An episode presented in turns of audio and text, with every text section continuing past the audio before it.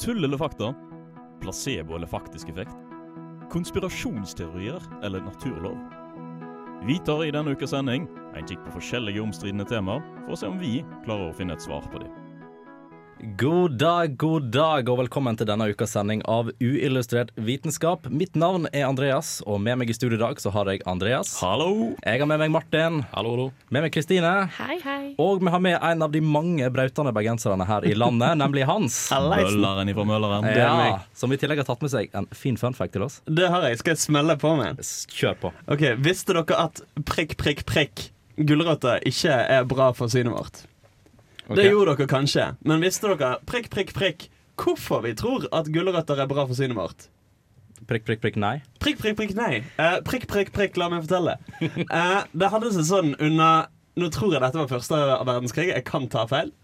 Eh, så hadde de et problem i Storbritannia fordi at de hadde jævla mye gulrøtter, men ellers ganske lite mat. Eh, så de måtte få folk til å knaske gulrøtter som faen så de ikke sultet i hjel.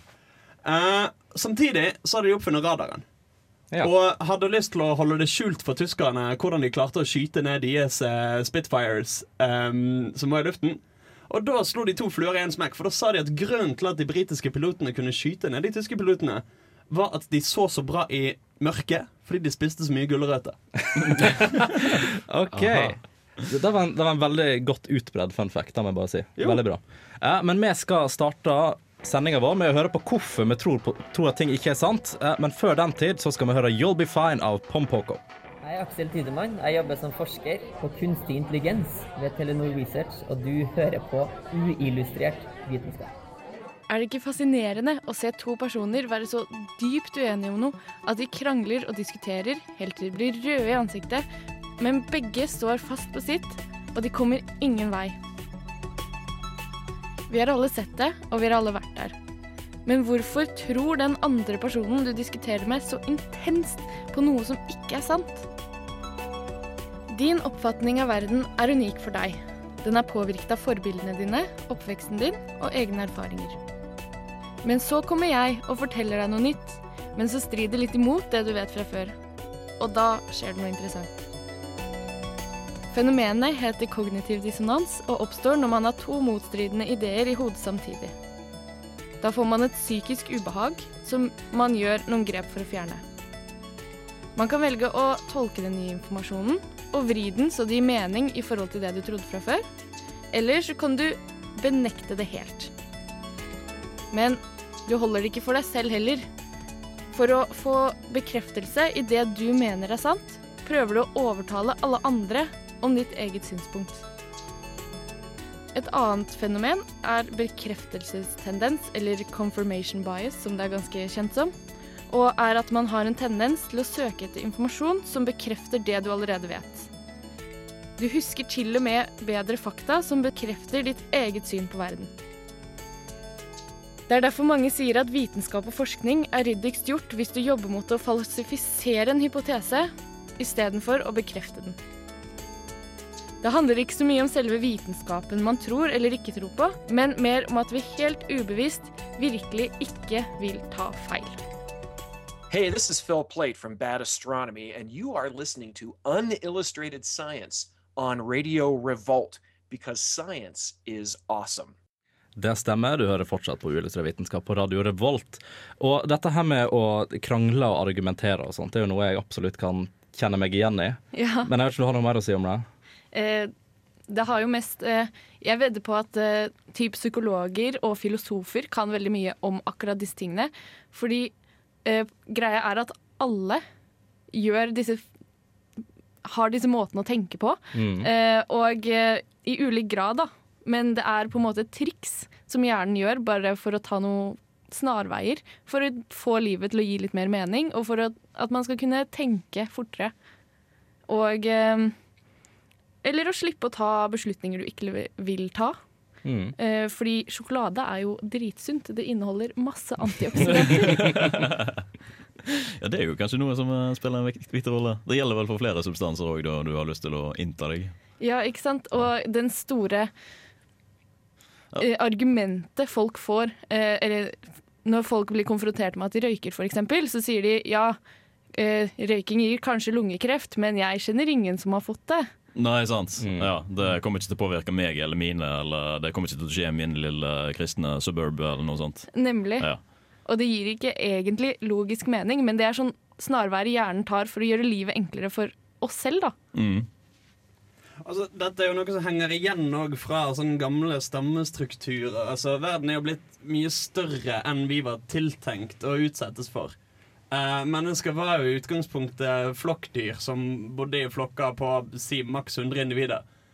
Uh, og da er det jo klart at da kan en ta den slags slutninger, Fordi da er det på mye mindre skala ting foregår. En skal ikke vite liksom hvilke næringsstoffer og virkemidler er i disse potetene jeg spiser. Nemlig. Du skal tenke på Hm, hvor lett er det å drepe en kanin i dag?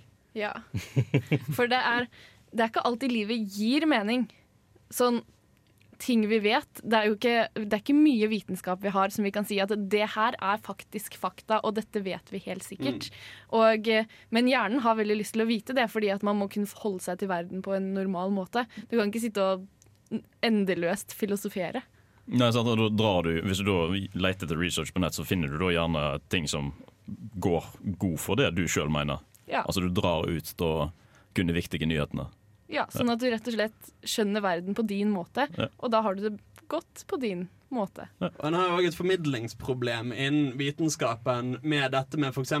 hvor um, utvannet begrepet teori har blitt. Ja. Ja. Hvor innenfor vitenskapen betyr jo teori at nei, nei, nei, nei diskusjoner er ferdig. Ja. Dette er vi veldig sikre på. Dette er, det er nesten så sikkert. Det eneste er at du mangler Du kan ikke bevise at det er en naturlov. eller noe sånt Ja, ikke Det altså. Under det har du jo teoremer og aksiomer og sånne ting. Det er jo Ja, det ja, som egentlig er snakk om eh, når, når veldig mange sier teori. Ja, ja. Så er det gjerne et aksiom. Men det er bare en teori. Eh, sier de, og så det Ja, altså Gravitasjon er jo eh, Ikke sant? Ja, sant? og, nettopp det, Evolusjon. Det er bare en teori. Ja. og nettopp det at eh, vitenskapsfolk òg er litt forsiktige av seg. Ja. Sånn, Vi har nesten klart å bevise at det muligens ikke er noen sammenheng mellom disse tingene.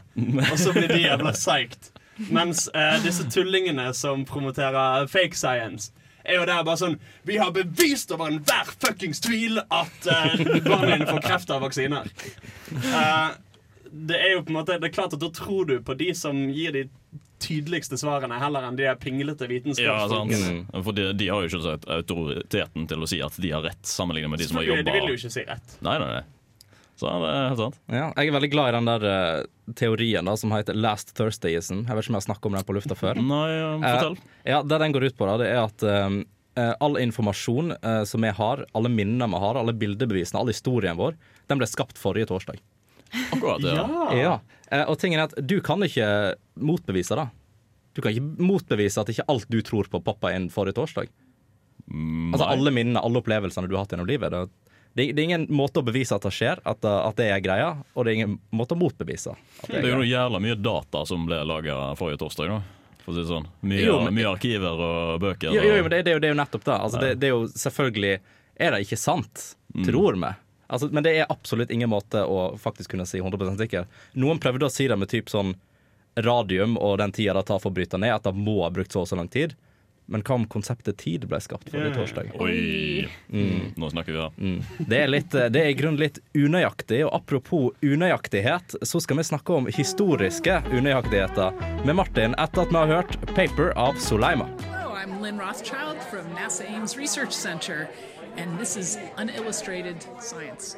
Ja, eh, tusen takk til Lynn Rothschild. Og eh, apropos litt sånn historiske unøyaktigheter, så har vi allerede i første stikket vårt hatt en unøyaktighet i studio som, eh, som Martin skal fortelle litt om. Ja, det angår uh, funfacten til Hans. Oh. Ja, nå, vet jeg ikke, nå har jeg ikke gjort research på selve historien, men hvis det var radar, så var det nok andre verdenskrig det var snakk om, ikke første.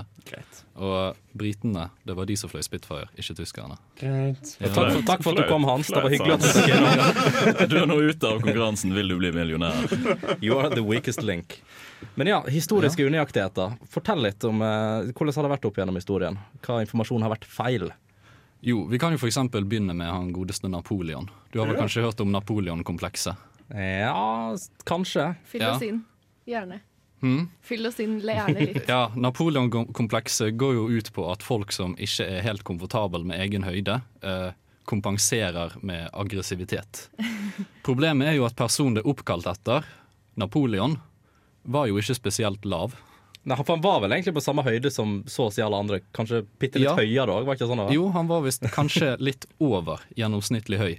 Og historien kommer fra engelskmennene, som synes det var veldig morsomt at fem fot syv eh, tommer, på, eh, oversatt fra, fransk til, nei, fra engelsk til franskefot, blir fem fot to tommer. Ah. Så de sa jo at uh, ah, It's five foot two. Very funny. og så lo de godt. Og eh, den, til, den historien har på en måte blitt værende litt. I tillegg så var det jo det at Napoleon han omringet jo seg sjøl med livvakter fra sin egen garde. Og et av kravene for å være med i den garden var at du måtte være seks fot eller høyere. Det vil si 183 cm eller høyere. Godt over gjennomsnittet for den tiden.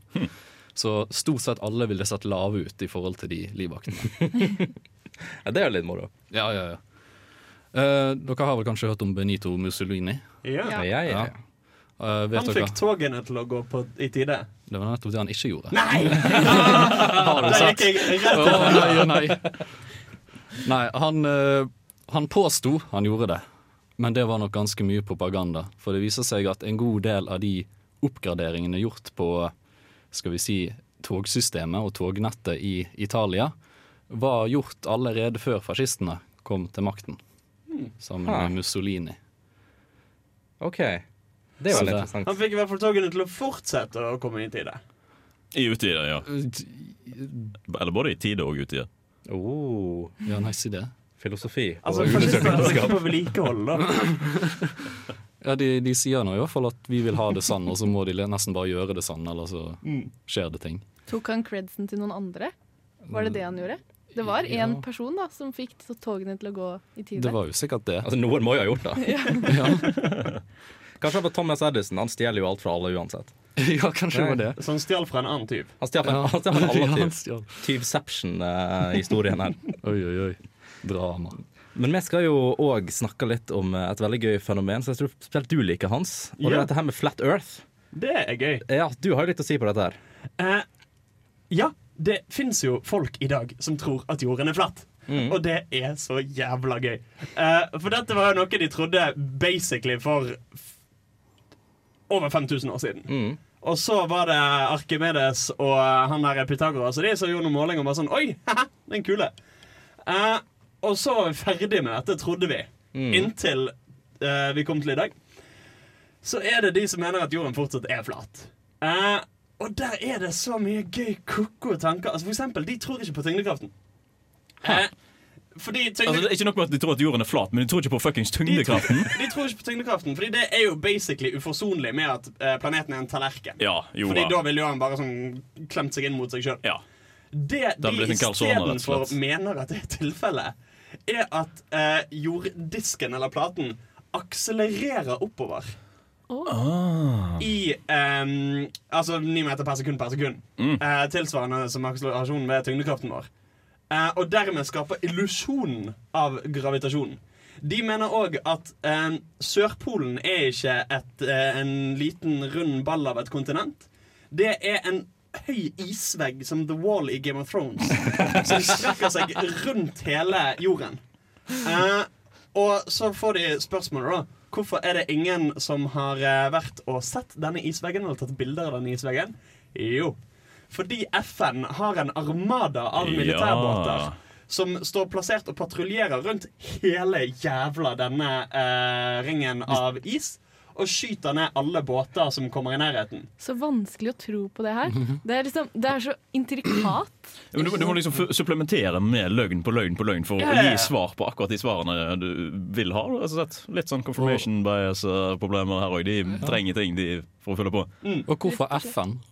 Av alle organisasjoner du kan velge. Nei, nå spør du vanskelig, Martin. Hvorfor ikke sånn Nato, eller har ikke de litt mer uh... Jo tro, det det gir meg mening at det er Nato som liksom hadde brutt det der. Nei, nei, nei. nei. Dere ser, nei. dere ser, ser etter logikk her. Det er det vi prøver å gjøre her! Her er det ingen logikk å finne. Men det er jo sånn, hvordan vet vi at eh, nettopp det samme ikke har skjedd? Da løgn på løgn på løgn har skjedd opp gjennom vår historie? At liksom det er det som har skjedd hele veien. Ikke sant? Kanskje Kanskje, det er sånn at evolusjonen bare er løgn? Åh, Det er farlig, det der. Men vi skal høre om noe annet etterpå. Eh, nettopp Camtrails, eh, som Andreas Haugland skal forklare litt om. Men før den tid så skal vi høre tilbake til meg fra Ashad Maimoni. Tyngdekraften. Å ja, han har jeg hørt om. Galileo Galilei. Det er jo for godt til å være sant. Lars Monsen. Dette setter jeg pris på, ass. Tycho Brahe. Mm. Ah. krass fysikk.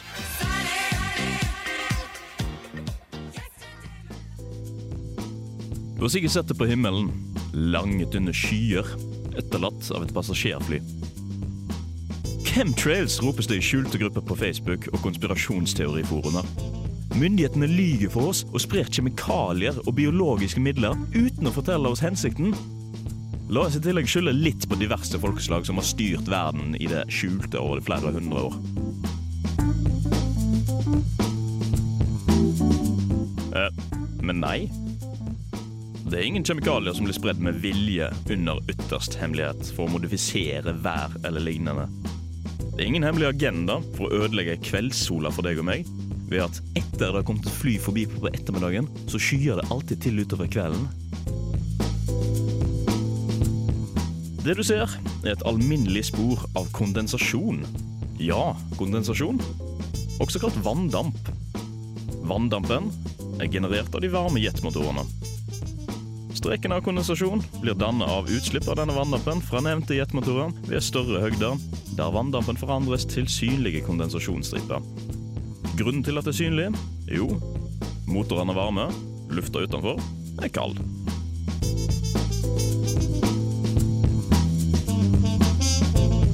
Men om det bare er vanndamp, hvorfor er det i lufta så lenge? Jo, det har med høgden sporene ligger i. Dess høyere flyet dess tynnere er lufta, og det finnes ei øvre grense på hvor mye fuktighet som kan bli absorbert på så og så lang tid. Dersom lufta rundt er så godt som metta på fuktighet, tar det lang tid, og kondensasjonssporene kan ligge lenge og bli dratt utover som et tynt, skylignende dekke pga. vinder. Ved lavere høgder, der lufta er tjukkere, og luftfuktigheten attpåtil er mindre, vil sporene bli absorbert raskere. This is Alan Moore, and you're listening to Unillustrated Science. Ja, men Haugland, du vet jo at chemtrails er ekte, du lyver. Eh, så er det, ja. Jeg har feil. Altså, du er jo kjøpt og betalt av store Cam Companies. Uh, Jeg busted der, faen ass. Jeg trodde, jeg trodde jeg hadde rett, jeg. Jeg må bare si at jeg synes det er utrolig gøy at du har begynt med stemme i sakene dine. Ja, Jeg elsker det. Fortsett. Ja, jeg er veldig god på dialekter, hvis noen skulle lure. Ubeskrivelig. Ubeskrivelig god. Jeg har talent for dialekter.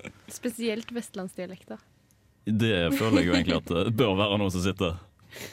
Til en viss grad, i hvert fall. Mm. Men det det er jo som å si, et utrolig gøy fenomen alt sammen som folk ikke tror på. Sammen med Mm. Flat Earth. Dette her er jo noe som er helt hinsides, syns jeg sjøl. Fordi de går og spør etter svar fra myndighetene. Det er flere myndigheter som får spørsmål og henvendelser om nettopp dette. Hva er dette her for noe? Er det chemtrail, eller, er, eller hva er det? Gi meg et svar, og så får de et svar, og så kommer de tilbake og sier ja, men jeg tror ikke på deg. Du lyger. Ja, ja, det er alltid den der, sant? Du lyger. Myndighetene skjuler det. Og så er det jo så logisk altså at det er synlig. Mm. At det er kondensasjon. Det er vanndamp som blir spytta ut ifra motorene. Som lager seg et spor. Og siden det er gjerne da 40 minusgrader i den høgden som flyene øh, flyr i, så blir det jo ispartikler da, som ligger synlig lenge. Og så er det vind der oppe som holder det fly flyvende, og som drar og sprer det utover veldig mye. Og så det blir som når du kaster kokende vann ut av vinduet når det er minusgrader ute, og så får du sånn sky. Ja, riktig. Det er beste, sånn, beste naturfagseksperimentet noensinne. Prøv dette hjemme. Prøv dette hjemme. Det er faktisk noe som vi kan si prøv dette hjemme på. Ja. Nei, men det, er jo, det er jo weird òg, fordi de er jo så forbanna overbevist om at uh, ikke bare er dette sant, men alle andre lyver. Ja, ja, sant. Og så er på en måte spørsmålet hvordan i helvete skal en klare å overbevise de om noe? Fordi Hvis en prøver å si Nei, kjære deg, se her. Se hva som faktisk er i disse dampgreiene. Det er bare vann, kondens og kanskje litt eksos. Ja. så sier de ja, hm, men hvem sa det til deg? Ja, sant. Ja, det er jo Eh, myndighetene. Å ja, myndighetene, ja. De er jo selvfølgelig med på det i New World Order og Illuminati og alt det. Altså, jeg leste en artikkel om det her, og da var det jo en eh, chemtrailer som ble intervjuet. Og han hadde jo merket da at været hadde blitt annerledes over tid, med regn og sånn. Ja, ja. Uh, og så s- tenkte jo, sa jo folk sånn Ja, men global oppvarming, kanskje klimaendringer. Ja, men han trodde ikke på det. Nei! Å ja, ja, Å, det er gøy!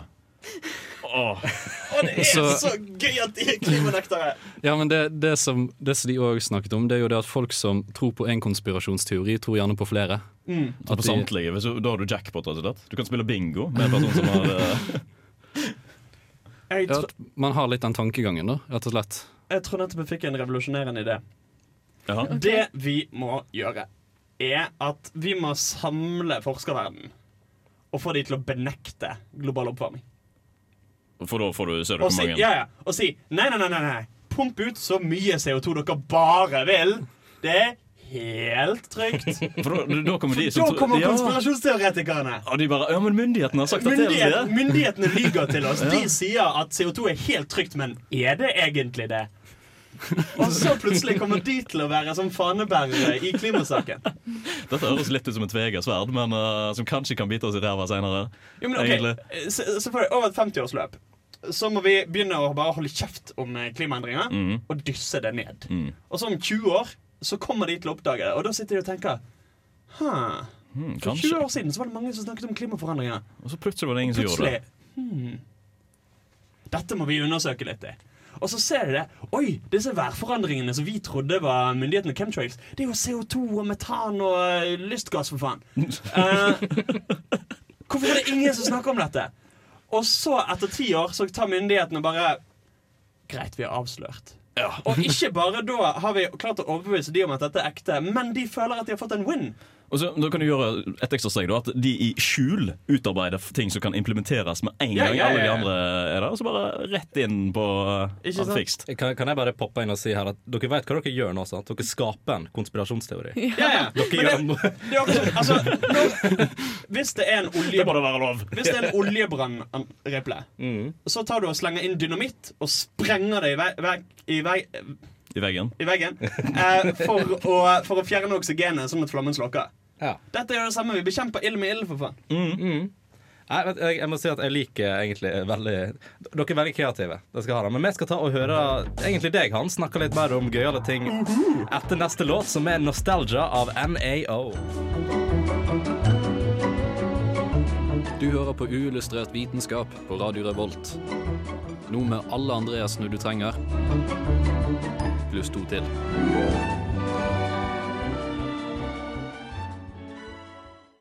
Så det jeg forstår ut fra den, egentlig, er at uh, man trenger egentlig ingen Andreaser, men det er bare pluss to til her. Det er for sånn jeg har forstått det. No. Alle, alle Andreaser du trenger pluss to til. Er det den jeg sier? det, det er en litt, litt løs definisjon på akkurat det. da Jeg, jeg føler meg mobba, i hvert fall. Men Hans! Yeah. Ja! Uh, GMO og sånn. ja GMO og sånn. Fortell litt om det. Du, uh, nei, for jeg tenkte det. Vi skal snakke om noe som er ulovlig i nesten hele verden, eh, men som faktisk er ganske bra. Eh, ikke marihuana. Hei, hei. Men eh, GMO, eller Genetically Modified Organisms.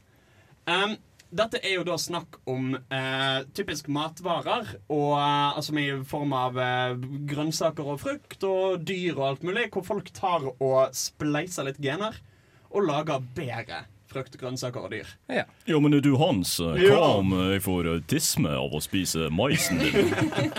Det som er så gøy med det Jeg så, jeg så en dokumentar om dette.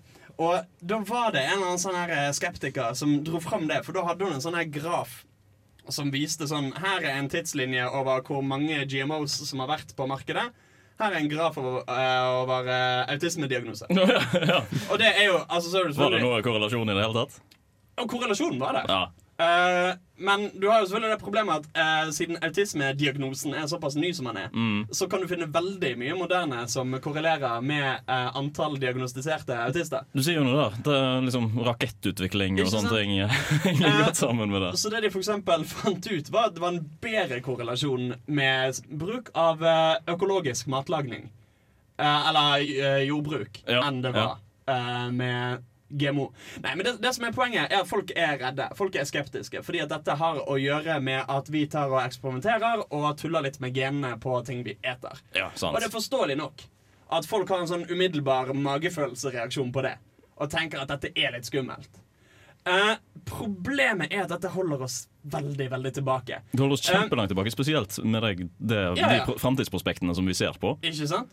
Uh, typisk handler altså, for, for det første, GMOs har vært der i hele jævla menneskehistorien.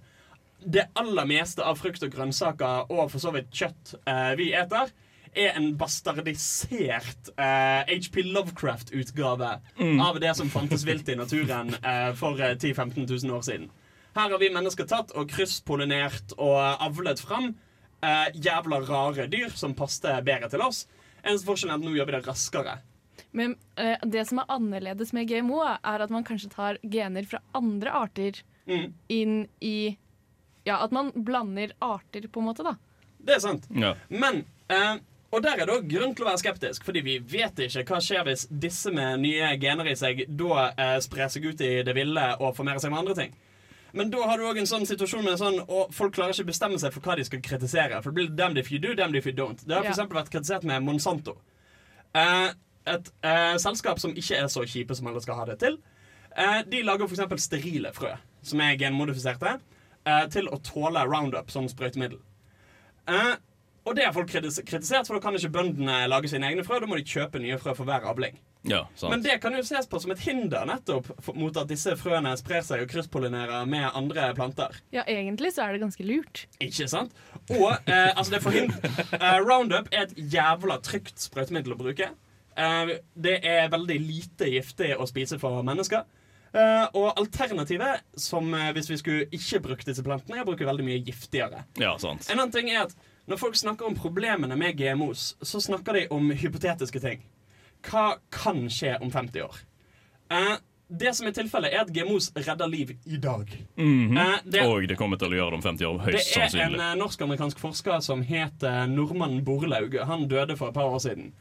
Han eh, lagde Det var vel en eh, kornsort som han drev og spredde i store deler av Asia og Sør-Amerika, som var spesielt eh, motstandsdyktig mot eh, uttørking. Eh, kunne produsere veldig mye på veldig mye mindre vann enn det du trengte tidligere. Ja. Eh, World Health Organization har anslått at han har reddet én milliard liv. Ikke sant? Og det, Med GMO-en sin. Det kan du gjøre med utrolig mange matsorter. Altså både korn, frukt, grønt. Mm. Til- De bananene som vi har i dag, er Mm. ikke de samme bananene Nei, nei. som var uh, importert på 30-tallet til USA. er- av en uh, pest som utrydda alt av den type bananer. Og så de måtte importere en ny type da, som var motstandsdyktig mot akkurat den pesten. Og det er så gøy at du skulle nevne Bananer. bananer. Fordi i Uganda så lever de av bananer. Det er jævla mye bananer i Uganda. Men i Eh, Uganda så er de Bananpest. Yes. Og det er òg ulovlig å drive GMO i Uganda. Eh, så der dør det ut for fote. Det som skjer er at det er noen forskere da, som har drevet og lagd genmodifiserte bananer som tåler denne råten. Og da ser du, De har hatt sånn flyfoto hvor du ser eh, liksom eh, markene og åkrene der. Og det er bare død, pest, fordervelse, vissent, råttent. Og så er det en firkant som ser ut som den er malt med jævla eh, tusj. Som er denne ene gården hvor de produserer disse genmodifiserte. Og de har ikke tenkt å selge en drit. De har tenkt å gi dette til det ugandiske folket, men dessverre så er det forbudt. Fordi Ja, folk er redde og hysteriske. Så GMO er bra. GMO bra. Og med den konklusjonen så skal vi gå over til et skikkelig spranghopp over til hvorfor vi tror på det unaturlige, overnaturlige her. Sett deg sjøl i denne situasjonen. Det er mørkt på rommet ditt, og du prøver å sove. Plutselig hører du en lyd, og du åpner øynene dine og setter deg opp i senga. Plutselig foran deg ser du et skummelt ansikt som stirrer rett på deg, og du blir livredd. Du skrur så på lyset, og det viser seg at lyden bare var ei grein som slo mot vinduet, og ansiktet bare var litt klær som lå litt rart på en stol. Hvorfor tror vi umiddelbart på at det er noe paranormalt som foregår, i stedet for noe annet? Og hvorfor ser vi ansikter overalt? La oss begynne med hvorfor vi ser ansikter. Dette kalles pareidoli. Det er en fellesbetegnelse for at vi mennesker gir mening til ting som egentlig ikke trenger det. Et vanlig fenomen av dette er nettopp det at vi ser ansikter i ting, som f.eks. Elvis-toasten. Det har blitt gjort mange studier på dette, og det viser seg at hjernen vår tolker og gjenkjenner ansikter og ansiktsuttrykk så fort som 165 millisekund etter at vi har oppdaga dem. Denne identifikasjonen av ansikter skjer før vi er bevisste rundt det, altså i underbevisstheten. Dette kommer fra instinktene våre. Det å kjenne igjen ansiktet, og da spesielt uttrykk og humør på andre, er en form for forsikring på om de er en fare eller ikke. Det at vi ser ansikter på kjendiser i forskjellige matprodukter, er en slags side effect av dette her. Hjernen vår liker å tulle med oss ganske mye, men det er vår egen feil for det meste. Hvorfor er det sånn at man ofte tror at uforklarlige lyder automatisk er noe overnaturlig? Dette handler i høy grad om kultur og forventning. Man ble yngre, så ble man kanskje fortalt spøkelseshistorier eller lignende. Dette har da ligget i underbevisstheten vår og sett på oss som en potensiell løsning på den lyden du nettopp hørte. Og dersom du er i en situasjon der du sjøl tror at noe overnaturlig kan skje, så vil du sannsynligvis se ansikter eller høre noen rare lyder. Og dersom man forventer noe, så lurer hjernen deg til å tro at den virkeligheten faktisk finnes. Radio Revolt. Det stemmer. Du hører på Uillustrert vitenskap på Radio Revolt. Og jeg, jeg synes, Dette var et skikkelig hopp. da Her snakker vi om helt vanlige konspirasjonsteorier. Så kommer jeg med spøkelse og spooky shit. Uh, men akkurat det der er faktisk veldig interessant, for at opp gjennom tidene så har folk sett og hørt så utrolig mye rart. Altså da, Ta for eksempel et, et eksempel på det. da uh, 'Knocking on Heaven's Door'. Har dere hørt uh, teorien rundt den? Nei. Hvis du spiller den låten baklengs, så hører du djevel snakke til deg. Oi. Og det, altså, tingen er at det høres, Hvis du har blitt fortalt på forhånd hva som liksom blir sagt når du spiller den baklengs, så hører du det. Men du hadde aldri hørt det hvis du aldri, ikke ble blitt fortalt det. For at hjernen igjen prøver å skape et mønster rett og slett inni det. Og det er jo nettopp samme grunn til at vi da ser ansikt i mat, så jeg syns det er jævlig gøy. Jesus- toast og sånne Jesus ting. toast, Elvis toast, Uh, for eksempel det er ansiktet på månen, Mm. som viser seg å bare være en skygge. Det er alt mulig sånn gøy. Kanskje for skyggen av et fjes? Å, gud. Ja. Eh, så det, den, det jeg fant da, den beste måten å liksom tenke rundt sånne ting som dette her, det er det som heter Arkhams Racer, eller Arkhams barberblad. Og kam. Og, hysj da, Hula. Ar Arkham er i Batman. Arkham, Ja. eh, Ok, ja, greit. Fint. Ja, fint. Fint. Eh, da, da må det vi skal, For å bruke den, da, så må vi gå gjennom det som er mest sannsynlig. Uh, typ da, Ta eksempelet da som står på, som står på artikkelen jeg leste på. Hvis et tre har falt i skogen, så kan du bli presentert med for eksempel, ja, tre forskjellige løsninger. Mm. Uh, kan treet ha falt med at noen har hogd det ned? Kan treet ha falt pga. at Gud ville at det skulle falle? Eller kan det ha falt pga. at to meteorer krasja sammen, og den kinetiske energien som kommer da, gjorde at da treet falt? Hva er den mest sannsynlige av de? Jeg holder på den siste. Du holder på den siste? på den siste. Det mest sannsynlige er jo da at noen har hogd den ned, sant? og da tar man den enkleste løsningen. Altså Det spesifikke Occam's Razor dreier seg om, er vel det at den forklaringen som har færrest antakelser. Ja. Den, den enkleste løsningen. Ja. Mm. Uh, så altså den som krever minst uvisst, eller minst spekulasjon. Og der er jo nettopp poenget at, å hogge, at noen har vært og hogd ned det, det er én antakelse. Mm. Men at Gud fins, da har du en del antakelser som må falle på plass. for Ja, at dette skal gå opp. Nettopp. Og jeg, jeg, jeg syns det er veldig interessant. Uh, blant annet noe av dette her som eh, Ja, spesielt kommer ut dette med spøkelser, da, som jeg nevner, og gjenferd og alt mulig sånt som blir skapt. eh, så går det veldig på dette med spiritualisme og spirali- spiritualismebevegelsen. Og den bevegde seg, begynte kanskje tidlig 1800-tallet, begynte den å bevege seg ut. Eh, og det viste seg at det som starta hele spiritualismen, den var forfalska. Eh, det var nemlig tre søstre som bodde sammen i et hus. Eh, og eh, de trodde da at eh, det var en person til som bodde i dette huset. Han kunne kommunisere med dem via å banke på veggene. Eh, og dette ble fort populært, og folk kom på besøk, og de ble liksom Å, shit, det banker på veggene. De, de spør sånn ah, Hvor gammel er hun? Og så banker det så mange ganger i veggene. Da, da dette viste seg, det var at uh, Dette ble oppdaga etter 40 år, da.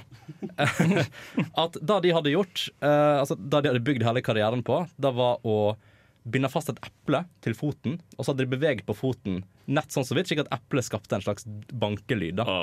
Og så hadde de òg lært seg å liksom knekke, knekke tærne for at det skulle skape en bankelyd. Oi. Men vi begynner egentlig å nærme oss slutten bitte litt. Men eh, før vi skal si skikkelig farvel, så skal vi høre 'Into the Night' av Death by Angabanga. Hi, this is James Grime from Numberphile, and this is Unillustrated Science. Det stemmer, det er uillustrert vitenskap på Radio Revolt, som dessverre har kommet til en eh, bitter end. For denne uka. For denne uka. Nei, er ikke, ikke for Slapp- slapp helt av, slapp helt av. Det, den konspirasjonsteorien er ikke ute ennå. Nei. Eh, men du kan finne våre sendinger på podkast. Hvor kan Mhm. du finne podkastene? Du finner podkaster på radiorevolt.no. Du kan ta en tur innom eh, diverse podkasttjenester. Og i tillegg så skal de i løpet av veldig kort tid være å finne på Spotify. Det stemmer. Ja. Eh, Du kan også kontakte oss på Facebook. Send oss gjerne en melding der hvis det er noe du vil vi skal snakke om eh, på lufta, eller noe annet gøy du lurer på. Og så vil vi også selvfølgelig da takke vår eminente tekniker Andreas Haugland i dag. Hallo, hallo, hallo. hallo, hallo. Men også vil jeg også selvfølgelig takke Martin, Kristine, Hans og meg sjøl for å ha vært med her i dag. Og vi snakkes rett og slett neste uke.